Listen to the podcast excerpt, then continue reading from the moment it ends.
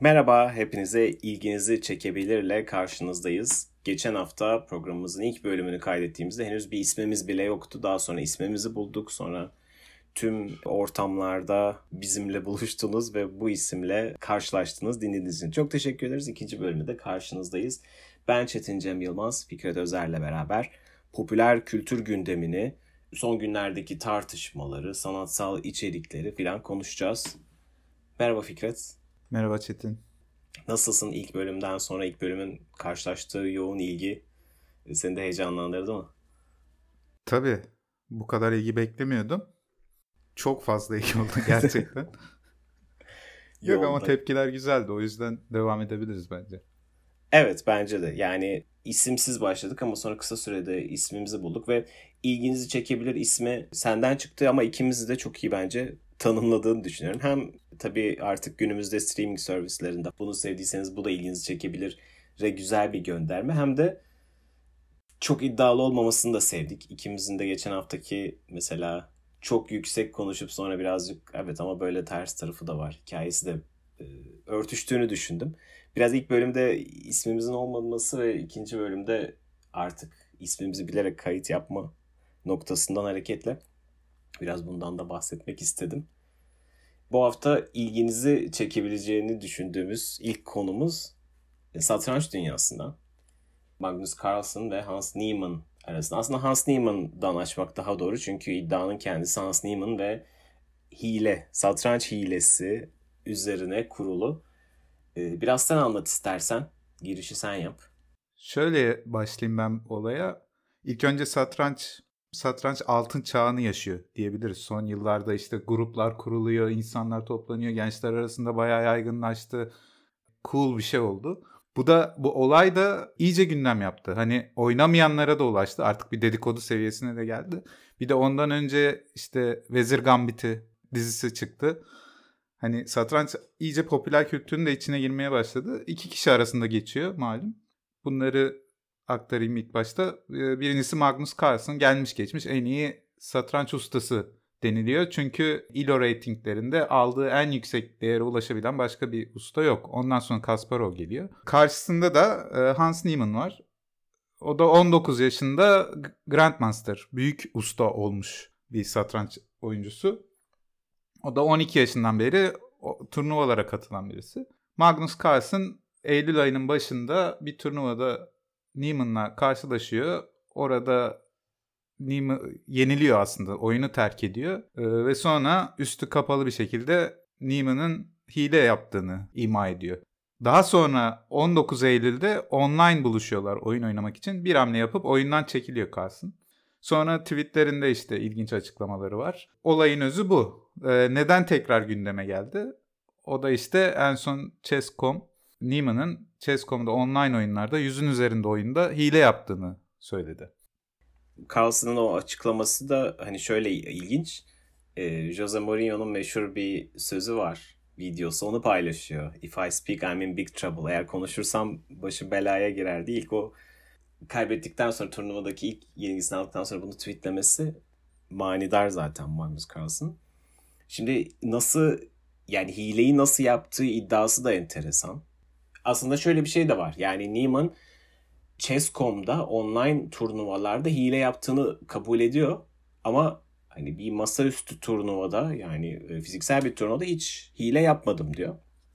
Fakat iddialara göre ki bunlar kanıtlanmış iddialar değil ama işte bazı böyle elektrikli e, aygıtlarla anal uyarıcılarla bile kendisine bazı bazı noktalarda sinyaller gönderildiğine dair iddialar var. Değil mi? O söylemiş. Onu ben de duydum da bir programda sanırım bir komedyen adını da unuttum. Satrançta bu şekilde hile yapılabilir mi? Yapılır tabii diyor. Seks toylar alırsınız diyor. Seks oyuncakları bir şekilde yaparsınız diyor. Sonra o anal uyarıcı muhabbeti tabii ki internet bunu ciddiye alıp ama yani işin özü dediğin gibi hani bir şekilde yapılabilirmiş deniliyor pardon şöyle bir iddiası da var ya diyor ki hani kendisini savunmak için hani gerekirse hiç e, bir çekimin olmadığı bir ortamda isterseniz çıplak da oynarım falan diye bir e, hodri meydan durumu da var aslında. Doğru demiş onu ama orada da şöyle deniyor. Yine Guardian'da bununla ilgili çok güzel bir video var. 5 dakikalık satrançta nasıl hile yapabilirsiniz üzerine. Orada söylenen şey şu. Bu bir bulmaca. Hani bazen hepimiz olmuştur. Genellikle matematikte olur. Hayata dair şeylerde de olur. Bir noktada eğer ki hani oradaki açığı görürseniz ilerleyebilirsiniz. Bulmacalarda da öyledir mesela. Satrançta da diyor ki o o anda bir pozisyon var. O pozisyonda tek bir dürtme yeterli diyor hile yapması için. Çünkü bunlar işte büyük ustaları satrançların sadece bir anlık kitlenme o. O kitlenmeyi açtığı anda zaten oyunu devam ettirebilir kendisi diyor. Yani hilenin komple oyunu oyun üzerinde olması gerekmiyor. Yani alıp böyle hani nasıl sınavlarda kopya çekeriz ya böyle ok, oradan bakarsın yazarsın aynı şey falan. Öyle olması gerekmiyor. Sadece bir dürtü gerekiyor. Çıplak da olsa bunu yapabileceğini söylüyorlar. Bilemiyorum yani bu konu nerelere gider hani buradan. Şu anda şöyle bir durum var Hans Niemann için. Hile yaptıysa da yapmadıysa da kazançlı çıktı bu durumda. Ne yazık ki dünyamız artık böyle bir dünya ya ünlü oldu gündemde ve e, temelen şu anda teklifler de alıyor. Gidip bir yerlerde konuşmak için veya ne bileyim turnuvalara katılmak için bile teklif alıyor olabilir yani şu anda. Göz önünde olduğu için. E, mutlaka yani çünkü şu anda e, Magnus Carlsen belki dünyada satranç denince akla gelen ilk isim. Yani tabii ki o eskilerin işte Kasparov, Karpov falan bir yana ama günümüz için öyle. Şu an ikinci isim de Hans Niemann oldu yani bu bir gerçek.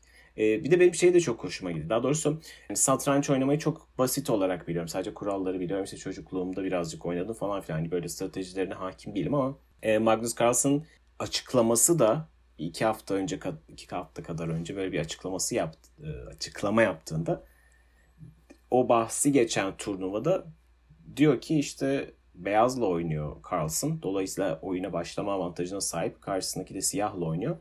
Diyor ki daha önce hiç siyahta oynayan bir oyuncunun bu şekilde domine ettiğini görmemiştim diyor ve kendisinin vücut dilinden hiç böyle bir gergin olmadığını ve hatta hiç fazla konsantre, tamamen konsantre olmadığını, o kritik hamlelerde konsantre olmadığını fark ettim diyor. Ve e, daha önce sadece birkaç oyuncunun yaptığı şekilde siyahlarla oynarken beni outplay kelimesi kullanıyor. Yani oyunu domine etmeye, oyunu kontrolünü ele geçirmeye başladığını gördüm diyor. Bu benim tamamen algımı, perspektifimi değiştirdi diyor. Oyunun içerisinden böyle bir bakış benim çok hoşuma gitti. Ve bana biraz 2012 Londra Olimpiyatlarındaki bir başka hile olayını da anımsattı. Yani 1500 metre kadınlar finalinde Türkiye hiç unutulmaz bir başarıya imza atmıştı. Aslı Çakır Alptekin ve Gamze Bulut ilk ikide bitirmişti. İngiltere adına, daha doğrusu Birleşik Krallık adına yarışan Liza Dobriski yarıştan sonra çok hayal kırıklığına uğramış bir şekilde bir açıklama yapmıştı. Yine benzer şekilde hani if I speak I'm in big trouble gibi hani şimdi konuşursam belki başım belaya girecek benzeri bir ifadeyle demişti ki şu anda biz e, eşit şartlarda yarışmadığımızı düşünüyorum. Bundan dolayı hayal kırıklığına uğradım demişti. O anda açıkçası tabii ben de Türk olarak onun duygusallığıyla çok kızmıştım. Yani işte sindiremiyor falan filan diye ama zaman onu haklı çıkardı. Çünkü hani bazen de sporun içerisindeki kişi neyin ne olduğunu çok daha net görebiliyor. Onu hissettirdi. Bana Magnus Carlsen'ın açıklaması bana bunu çağrıştırdı. Tabii her maç sonrası ya da yarış sonrası, her sportif müsabaka sonrası her şikayet haklı olacak diye bir şey yok. İlla karşıdakinin hile yaptığını delalet olacak diye bir şey yok. Fakat Carlsen'ın bu açıklaması beni bu açıdan dediğim gibi çok hani etkiledi ve sonrasında gelen Chess.com ifşaatları da işte yaptığı hile şeyleri de hani taşların birbirine yerine oturmasını sağladı açıkçası benim nezdimde. Ya zaten geçmişinde böyle bir şey çıkınca hani şu anda yapmadığını ispatlaması zor ama onu ispatlamak zorunda değil. Şu anda Hans Niemann tarafında öyle bir şey var. Bur böyle, burada bir olay olmuşsa bunu Magnus Carlsen ispatlamak zorunda. Bir hile olmuşsa. E, masumiyet, masumiyet karanesi. Öyle mi deniyordu? Şu an yanlış kullanmayayım kelimeyi. Karinesi. Hatta şöyle bir şey olmuş. İsmini hatırlamıyorum. Kenneth Reagan diye birisi bir expert varmış. Anti hile expert, anti cheating expert diye geçiyor. Bu şeyin Niemann'ın bütün maçlarını kontrol etmiş. Bir hileye dair bir patern bulamamış. Bu ama burada demin söylediğime geliyor. Hileyi bir hani devamlı yapması gerekmiyor oyun içinde. Anlık bir şey gelirse, kopya gelirse oradan devam edebiliyor. Eğer ki Neiman hile yapıyorsa hani bana biraz kötü kopyacı öğrencilere bence. Başarısız öğrenci ama bütün her şeyden yüz alıyor. Hani kopya çekerken onun bir ayarını yaparsın ya. Ya dur bir 60 alayım da anlaşılmasın. Ya gidip gelmiş geçmiş en iyi satranç ustasını yene, yenmezse biraz tuhaf. Hani hile yaparak. Ama yaptı mı bilmiyoruz. Evet ve de evet ve de yaptıysa hani bunu yani bu kadar komplike bir şeyi çözüp sonra maç sırasında kendisini vücut diliyle ele vermiş olması da eğer öyleyse o da enteresan yani. Hani yeterince konsantre ol görünmüyordu falan filan gibi doneler de vardı. E, her türlü e, müthiş bir hikaye zaten 19 yaşında ve kendisinin hani basamakları hızla tırmanması işte puanları toplaması falan filan da çok daha önce kolay kolay görülmemiş bir hikayeymiş ki yani önümüzdeki birkaç sene içerisinde mutlaka bunun bir filmini izleyeceğiz diye tahmin ediyorum. Bir Robert Redford'ın çok güzel bir filmi vardı. Quiz Show diye. Yani başka bir hikaye de işte Amerika'daki yarışma, bilgi yarışmaları biraz Riziko benzeri bilgi yarışmasında yapılan hileleri falan filan anlatan bir filmdi. Biraz onun benzeri güzel bir film çıkabilir buradan. Tabii önümüzde hani bu hikaye tamamlandığında, netleştiğinde diyelim. Var mı sen senin bu konuda aslında ekleyeceğin birkaç daha detay bir, var. Bir hikaye var ama ondan önce şunu söyleyeyim. Biraz bir toplumsal tarafı da var. Hani yaşadığımız çağın getirdiği bu işte yapay zeka üzerinden gelen sürekli bir distopyalar falan izliyoruz. O değil. Aslında gerçekte olan bu olay. Bu da şöyle açıklanıyor. Satranç ustaları normalde bir problem çözerler. Otururlar orada olan şeyi, durumu çözmeye çalışırlar. Hatta bunu daha önce de dizide izledik işte Queen's Gambit'te. Toplanıyorlar nasıl hamle yapacaklarına karar vermeye çalışıyorlar. Şu anda oynanan satrançta insanlar yapay zeka çok geliştiği için işte bu Deep Blue muydu Kasparov'u yenen. O makineden sonra artık yani şu 2022 yılında herhangi bir ustayı yenemeyecek bir yapay zeka yok. Yani e, daha doğrusu tam tersi. Yapay zekayı yenebilecek bir usta yok. Ve buna göre oyun patenleri ezberleyip satranç oynamaya başlamış insanlar. Yani düşünmekten çok ezber üzerine dayalı bir oyuna dönüşüyor ve daha çok yapay zeka gibi davranmaya başlıyor. Bunu da şeye benzettim ben. Sen de görmüşsündür spor müsabakalarında. NBA'de oldu herhalde ilk. Daha sonra futbolda oldu. Teniste de oldu.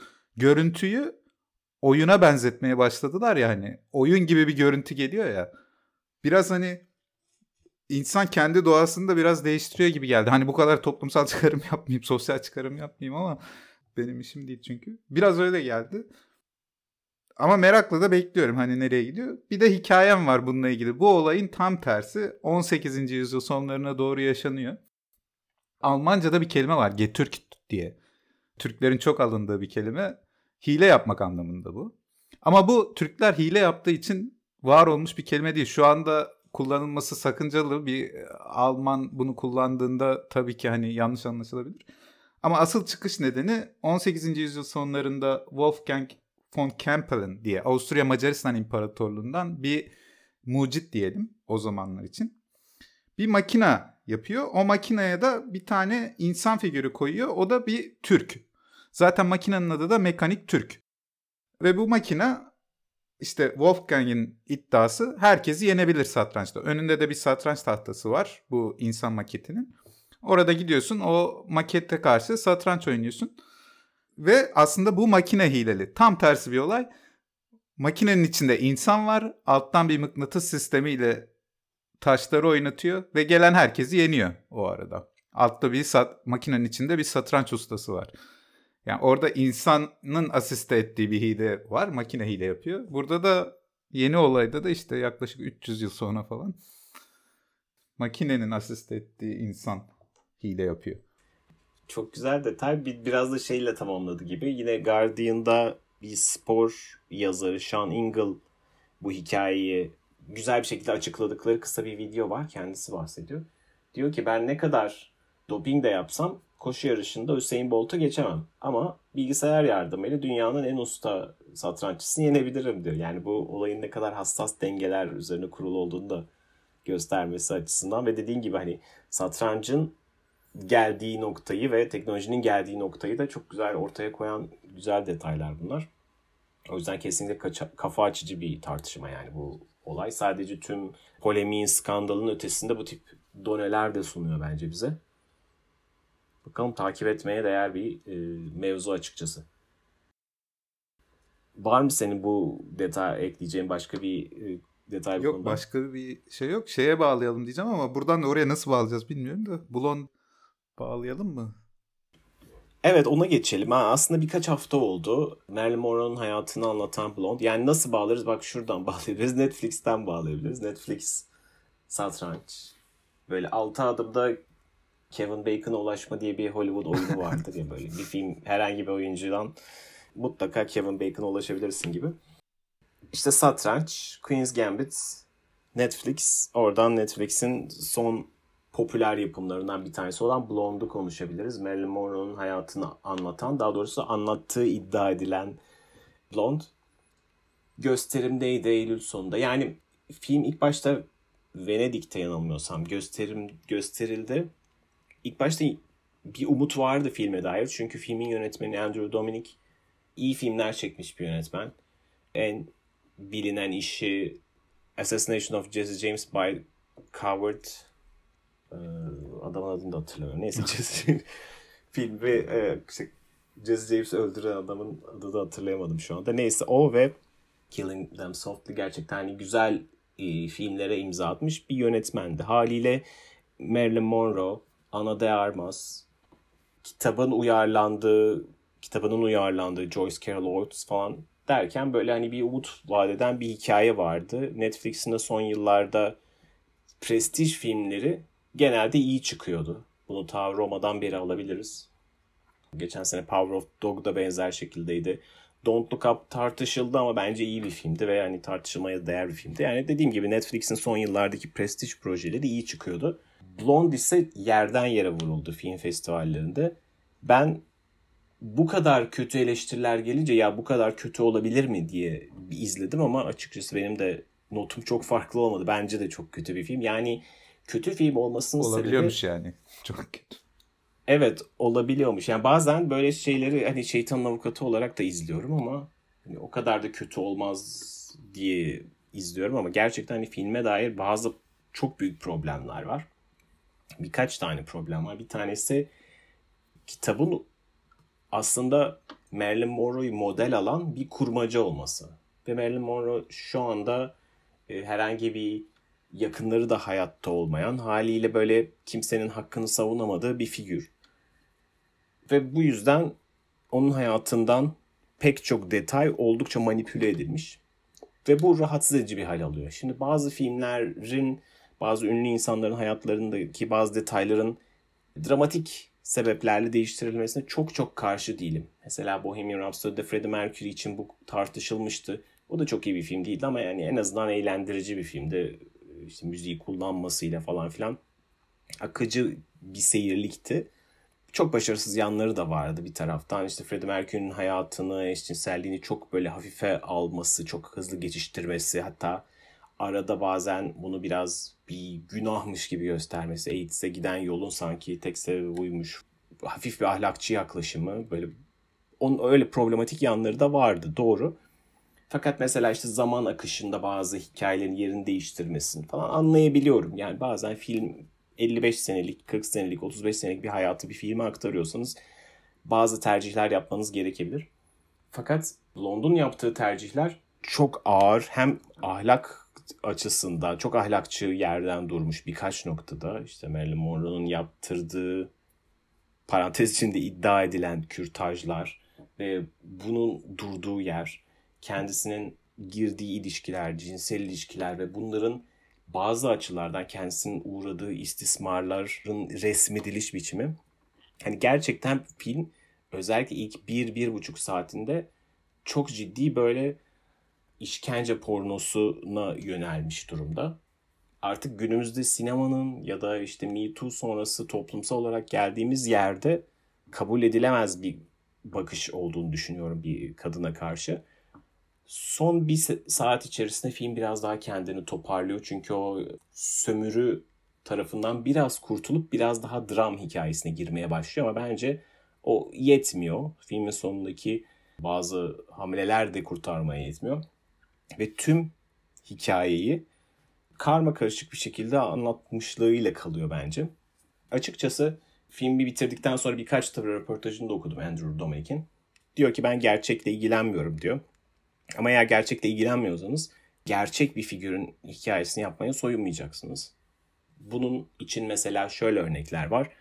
Bob Dylan'ı anlatan I'm Not There filminde evet Bob Dylan'ın 6 tane farklı aktör tarafından oynandığı bir filmden bahsediyoruz ve hayatının ve karakterinin farklı taraflarını farklı isimler canlandırıyor. Ama bunların hiçbirisinin ismi Bob Dylan değil. Yani Bob Dylan'dan esinlenmiş, Bob Dylan'ın işte folk şarkıcısı, işte politik aktivist, e, bir çocuk olarak falan filan farklı farklı karakterlerini ya da farklı personalarını farklı oyuncular canlandırıyor. Ve biz onun Bob Dylan'dan esinlendiğini biliyoruz ama birebir olarak gerçeği yansıtmadığını da biliyoruz. Ama Andrew Dominic birebir gerçekten beslendiğini iddia edip sonra da ben gerçekle ilgilenmiyorum sadece bir hisle ilgileniyorum deyince burada bir tutarsızlık oluşuyor. Kendisinin Marilyn'in sürekli olarak hani sonuçta genç yaşta çok parlak yanmış ve çok çabuk da sönmüş ve kendi e, hayatına kendi canını almış bir insanın dramını anlattığını söylüyor Andrew Dominic. E, haliyle böyle bir bu sona ulaşma gibi bir niyetiniz varsa siz ister istemez bir karakterin anatomisini çiziyorsunuz. Ama bence bunu yapabilecek kadar da Marilyn Monroe'nun psikolojisine de yeterince hakim olmamış ve biraz işin sasyon, sansasyonel tarafına odaklanmış gibi geldi. Bir dolu kusur var bu arada. Sinematografik açıdan da çok büyük kusurları var bence filmin. Çünkü filmde zaman atlamaları falan filan var. Çok karışık bir kurgu var. Sürekli renkler değişiyor. Yani bir sahne renkli, bir sahne siyah beyaz, işte bir sahne daha geniş ekran, bir sahne daha kare gibi oranlı ekranlarla, sinematografik ölçülerle çekilmiş. Bunlardan bazı bir sinema sever olarak bunların neye hizmet ettiğini anlamaya çalışıyorum. Ve sonra okuyorum ki Andrew Dominic diyor ki bunların aslında sineması olarak hiçbir anlamı yok. Ben sadece o fotoğraflardan yola çıktım diyor. Ve yani Marilyn Monroe'nun hafızalara katılmış pek çok fotoğrafı filmde aynı şekilde resmedilmiş. Doğru böyle bir çalışma var. Fakat sadece o karelerin aynısını onun ölçüsü 9-16 ise perdeyi 9-16 yansıtmak. Renkli ise renkli yansıtmak. Siyah beyazsa siyah beyaz yansıtmak. İşte sizi o anlamda sinemasal tercihlerinizi nasıl denir? Haklı çıkarmıyor. Bunların altını doldurmanız gerekiyor. Dolayısıyla iyi bir yönetmen olarak bence kendi boyunu çok fazla aşan bir işe girmiş. Hem yönetmenlik anlamında hem hikaye anlatımı anlamında hem de bir şey söylemeye çalışan, psikolojik bir hikaye anlatmaya çalışan bir kişi anlamında bayağı boğulmuş. Bu kadar çok yoğun, kötü eleştirilen bir filmi hani ben biraz böyle şeyimdir bu konularda sadistimdir. Yani daha doğrusu mazoşistimdir. Böyle savunmak isterim. Çünkü böyle insanı rahatsız eden, böyle biraz challenge eden, meydan okuyan sanatsal işleri de severim. Fakat Marilyn anlatan Blonde bence düpedüz kötü ve kötü niyetli bir film ve bu yüzden ben de karşıt cephede yer aldım. Böyle çok uzun önünü alamadığım şekilde konuştum. Kusura Yo, Güzel oldu ağzına sağlık. Ben de izlememiştim. Ee, izlemeyeceğim herhalde. Şimdi sen dedi. O zaman ben şey yapayım. Benim izlediğim çok güzel bir biyografi vardı. Sana da çok defa söyledim. Tina Turner'ın hayatını anlatan Tina. Tavsiye ederim dinleyenlere de. Çok etkilenmiştim. Yani bu söylediklerin tam tersi var orada. Her şeyi senin olması gerektiği gibi dediğin şekilde yapmışlar. Tina'da da. Tina'ya da e, bir ara mutlaka bakacağım. The Bear konuşalım biraz da.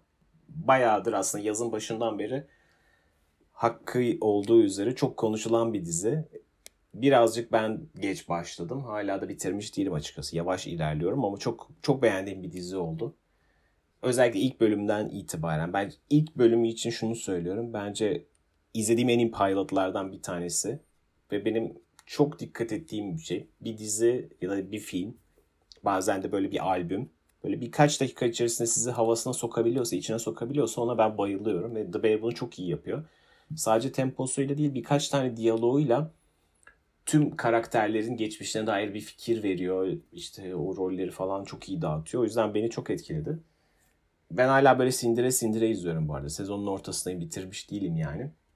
Dolayısıyla izlememiş olanlar için çok sorun değil. Spoiler yapmayacağız ama e, izlemiş olanlar için de en azından bir şeyler katabileceğini umduğumuz bir sohbet olacak. Ben ben tabii ki başladığım gün bitirdim. ee, şöyle ilk önce şuna karşıyım. Komedi olarak sınıflandırılmış. Komedi değildi be, bence. Değil evet kesinlikle ee, değil bence değil. onun dışında şöyle bir şey gördüm. Şey demişler Sopranos, Gilmore Girls, üçüncü neydi? Bir şey daha vardı. Bunların birleşimi bir dizi olmuş demişler. Ben ona katılmıyorum. Ha Masterchef. Sopranos, Gilmore Girls ve Masterchef. Üçünün karışımı bir dizi olmuş demişler. Ben bunu şeyden söylemişler. İçindeki o diyalog yoğunluğu herhalde. Ben de onu hatırladım bu arada. Gilmore Girls. Evet. Ayrıca senin de izlediğin Miss Maisel ondaki diyalog yoğunluğu burada da var. Ama ben şöyle diyorum. Bu dizi öyle değil. Bu Kitchen Nightmare Gordon Ramsay'nin onunla Uncut Gems. Doğru. O stres çünkü Uncut Gems'teki. Burada da sürekli stres altında. Biraz beni aslında izlerken ne bileyim depresyon soktu demeyeyim de biraz düşürdü filmin şeyi. Moral olarak. Niye bilmiyorum. Böyle sürekli hani bir stres yaşanıyor. Bir taraftan bir mücadele var falan.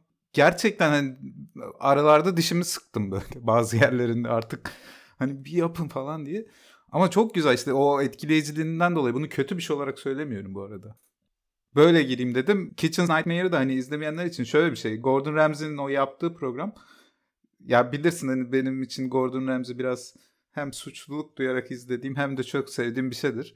O da hani batmak üzere olan restoranlara gider ve onları kurtarmaya çalışır. Hani o biraz programa şey diyorlar daha önceden kurgulanmış diyorlar. Tabii ki hani şovun içinde kurgulanmış şeyler var ama Gordon Ramsay'nin yaptığı, gittiği bu restoranlar gerçek. Gerçekten batmak üzere, gerçekten kurtulmaya çalışıyor. Ve çoğu da Gordon Ramsay gittikten sonra 6-7 ay düzgün ilerleyip batıyorlar tekrardan. Ama birebir orayı hatırlatıyor. Oradaki stresi.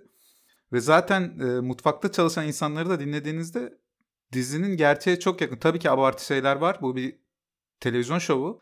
Hani birebir gerçekliği yapamaz. İnsanların birisi öyle yazmış. İnsanların tatil günü alıp almadığını, sigortasını yatıp yatmadığını gösterirse sıkılırsınız zaten hani. Bunu bunun yerine sürekli yoğun bir şekilde dizi bizi o mutfağın içine çekiyor ve gerçekçiymiş. O mutfakta çalışan insanlara göre. Ve beni şey de çok etkiledi. Hani buna sen, sen daha iyi yorum yaparsın. Çok dar bir mekanda çekiliyor dizi. Zaten hani çoğunluğu o mutfakta geçiyor, o restoranda geçiyor. Bir iki tane farklı mekan var.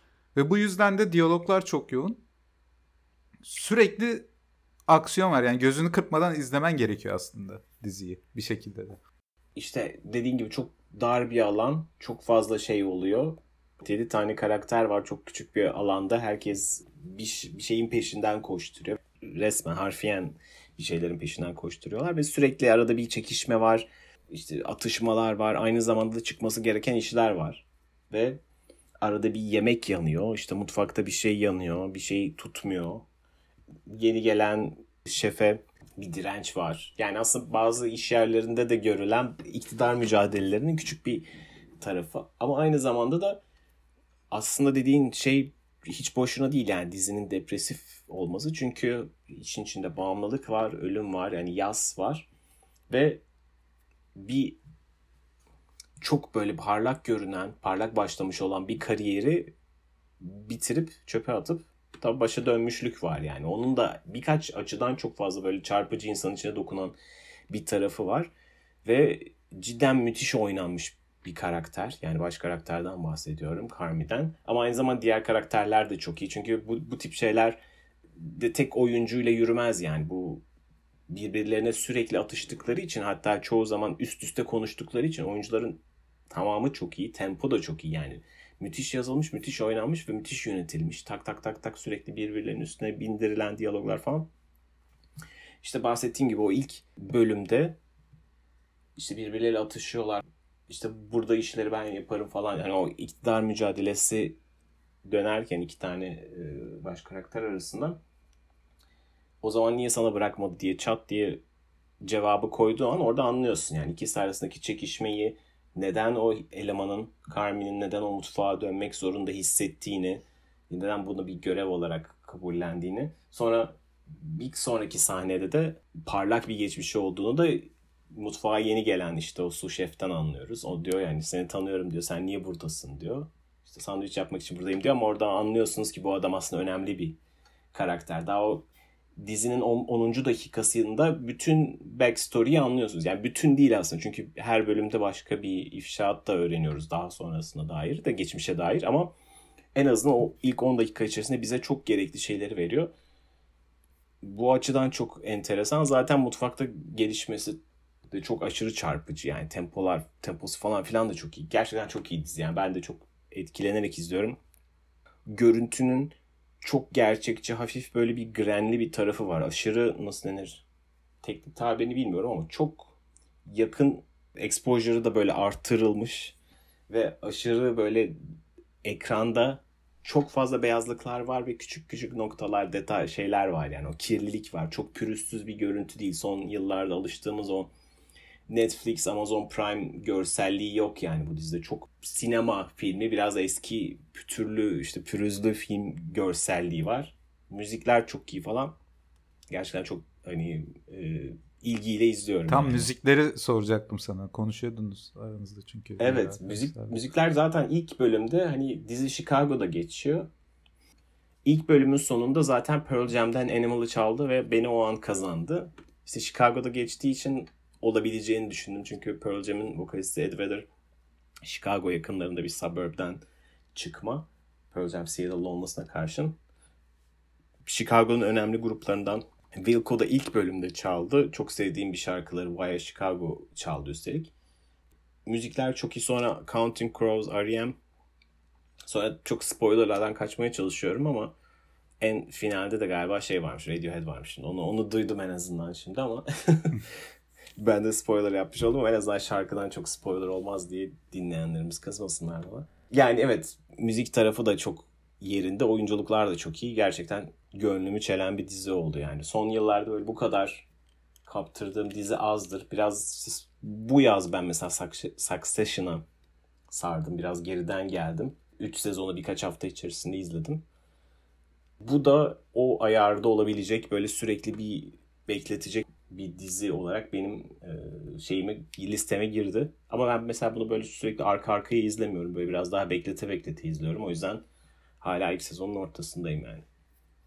Zaten arka arkaya izlemek bayağı yoruyor aslında. Kafa olarak da yoruyor. Yani o stres sürekli geçtiği için insana duygusal aktarımı da bir tuhaf oldu. İş hayatında yapılan o sertlikler, mücadele falan hani bir insan kendini de düşünüyor bilmiyorum belki de biraz da o yüzden depresif gelmiştir ama kesinlikle komedi değil. Komik sahneleri var evet ama komedi altında sınıflandırılmış bu dizi. Bence de- değil yani. Bilmiyorum ben hatalı düşünüyorum. Bence de değil bu arada. Bence de komik sahneleri de var. Yani mesela o dördüncü bölüm yine galiba işte çocuk doğum günü partisinde mesela olan birkaç detay var. Bazı diyaloglar komik falan ama bu kadar çok diyaloğun içerisinde tabii ki mizah unsuru illa oluyor. Ama bence de bu diziyi komedi statüsüne koyacak kadar değil kesinlikle. Ki çok ağır bazı temalarından bahsettik yani işte. Depresyon gibi, bağımlılık falan filan gibi, yaz gibi. Bütün bunların yanında bence de pek komedi değil yani. Mesela Uncut Gems kadar da komedi değil. Uncut Gems de çok Evet o daha evet, komedi. O da çok gergin bir film. Ve benzetmen çok yerinde çünkü onun da temposu böyle diyalogları hiç durmaması öyle. Ama onda da bir komedi unsuru daha fazla kara komedi de olsa. Bence bunda da daha az. Ama evet hani humor var altta bazı Çok sevmediğini biliyorum ama Kitchen Nightmares en azından bir Brighton'da bir restorana gittiği bir bölümü var Gordon Ramsay'in. Orada işte bilmem kaç bin pound borcu var restoranın. Orayı kurtarmaya gidiyor falan. Rastafari bir ablamız işletiyor restoranı. Yanında çalışan aşçı da öyle. Çok sallamıyorlar, disiplinsizlik var. Biraz o bölüme de benzettim. Hani gerçek hayatta o restoranda şu dizide olan şeyler oluyordu. Muhtemelen Gordon Ramsay'nin de bir kurgusu var orada ama olsun yani o tadı verdi. Sonra o restoranın ben akıbetini de takip etmiştim. Büyütmeye çalışmışlar. Çok iyi iş yapmaya başlamışlar tabii televizyonda çıktıktan sonra. Zaten işler de iyi gidiyormuş. Ama büyütmeye çalışmışlar. Büyütmeye çalışınca batmışlar. Yeni çok büyük bir yere geçmişler. Sonra da batmışlar. Zaten o Kitchen Nightmares'taki restoranların akıbeti hep öyle. Çoğunluğu öyle. Bakalım bu dizide nasıl olacak onu bilmiyorum. Bu da dışarıdan gelen yıldız bir aşçı alıyor restoranı düzeltiyor. Aslında konsept aynı sadece bu çok kalite diyeyim. Evet. Gordon Ramsay programına göre tabii ki. Evet. Diğer bir reality show bu güzel Ee, bir Tam iş. böyle kapatır kapatmaya yaklaşıyorduk ama aklıma şey geldi tam söylediğinden. Ee, New York Times birkaç sene önce Amerika'nın en iyi restoranları diye bir liste yayınlamıştı. Bir numaraya koydukları yer böyle ta Amerika'nın ortasında bir hamburgerci böyle. Çok bilinen bir yer değil. Nasıl diyelim işte bizim hani Memoş Tantuni'nin çok kült olması gibi zamanında tabii sonradan çayın açmadan önce falan ya da Karadeniz dönercisi falan filan gibi hani herkesin o çevrenin bildiği ama şubesi olmayan öyle bir yer. Sonra birkaç yıl sonra orası kapanıyor. Kapanmasının sebeplerinden bir tanesi olarak da şey hatta baş sebebi olarak da o New York Times'da bir numara olmasını gösteriyorlar. Sonra onu yapan adam da e, bir suçluluk duygusuyla bir yazı kaleme alıyor. Çünkü sebebi de şu yani tabii ki orada haber olduktan sonra New York Times size Amerika'nın en iyi restoranı yaptıktan sonra insanlar oraya gidiyor. Kapılarda kuyruklar oluşuyor. Talebi karşılayacak kadar e, büyük bir yer değiller. Yeterince işte elemanları yok. İnsanlara ya geç servis yapıyorlar ya böyle çabuk yap- yapmaya çalışıyorlar ve kaliteleri düşüyor. Sonra kaliteleri düşünce haliyle insanlar ya bu muymuş demeye başlıyorlar falan. Böyle bir zincirleme reaksiyon oluyor. Şimdi bahsettiğin o Gordon Ramsay'nin e, hani Brighton'daki restoranda büyütmeye çalışıp patlaması böyle bir hikaye sonuç doğurur. Orada da tek aşçıyla o da yarım zamanlı çalışıyor. Öyle çalışırken 9 aşçıya çıkartmışlar restoranı. Evet. Yani olmamış. Evet haliyle büyüğü bozulunca. E, çok enteresan, çok kafamı açan bir hikayeydi yani o da. Bu arada şöyle de bir hikaye vardı. Tam buna benzemiyor ama Vedat Milor'un bir yazısı vardı. Türkiye'nin en iyi aşçısı neden kebapçılık yapıyor diye. O da böyle büyük restoranlardan fine dining olayından bıkıp çünkü orada hani tuzluğun duruşuna kadar her şeye dikkat etmek zorundasın. Aslında bu film, dizideki karakterin o çektiği çileyi çekip ondan bıkıp kendisi bir kebapçı açmış İstanbul'da. Öyle bir yazısı vardı Vedat Milor'un. Evet, aslında bir yandan şimdi Türkiye'nin Michelin restoranları da bugün açıklandı. Oraya da girebilirdik de neyse gurme sohbetlerimizi burada keselim bence. sonra belki bizim o, orası, o taraklarda da bezimiz var. Orada da boş değiliz ama sonra konuşuruz artık bu konuyu da. Yavaştan kapatalım o zaman senin ekleyecek bir şeyin yoksa. Kapatalım. Birkaç dizi daha var. Onları başka bölümlerde yine konuşuruz. Evet ben Devam eden diziler. biraz böyle yavaş izlediğim için hem yetişmiş olurum sana bir hafta içerisinde. Ödevlerimi daha çok yapıp biraz daha izleyip haftaya onları da konuşuruz. Umarız konuştuğumuz konular ilginizi çekmiştir diyelim böyle e, referans yapalım kendi ismimize. Tekrar yeni bir bölümde görüşmek üzere. Hoşçakalın. Hoşçakalın.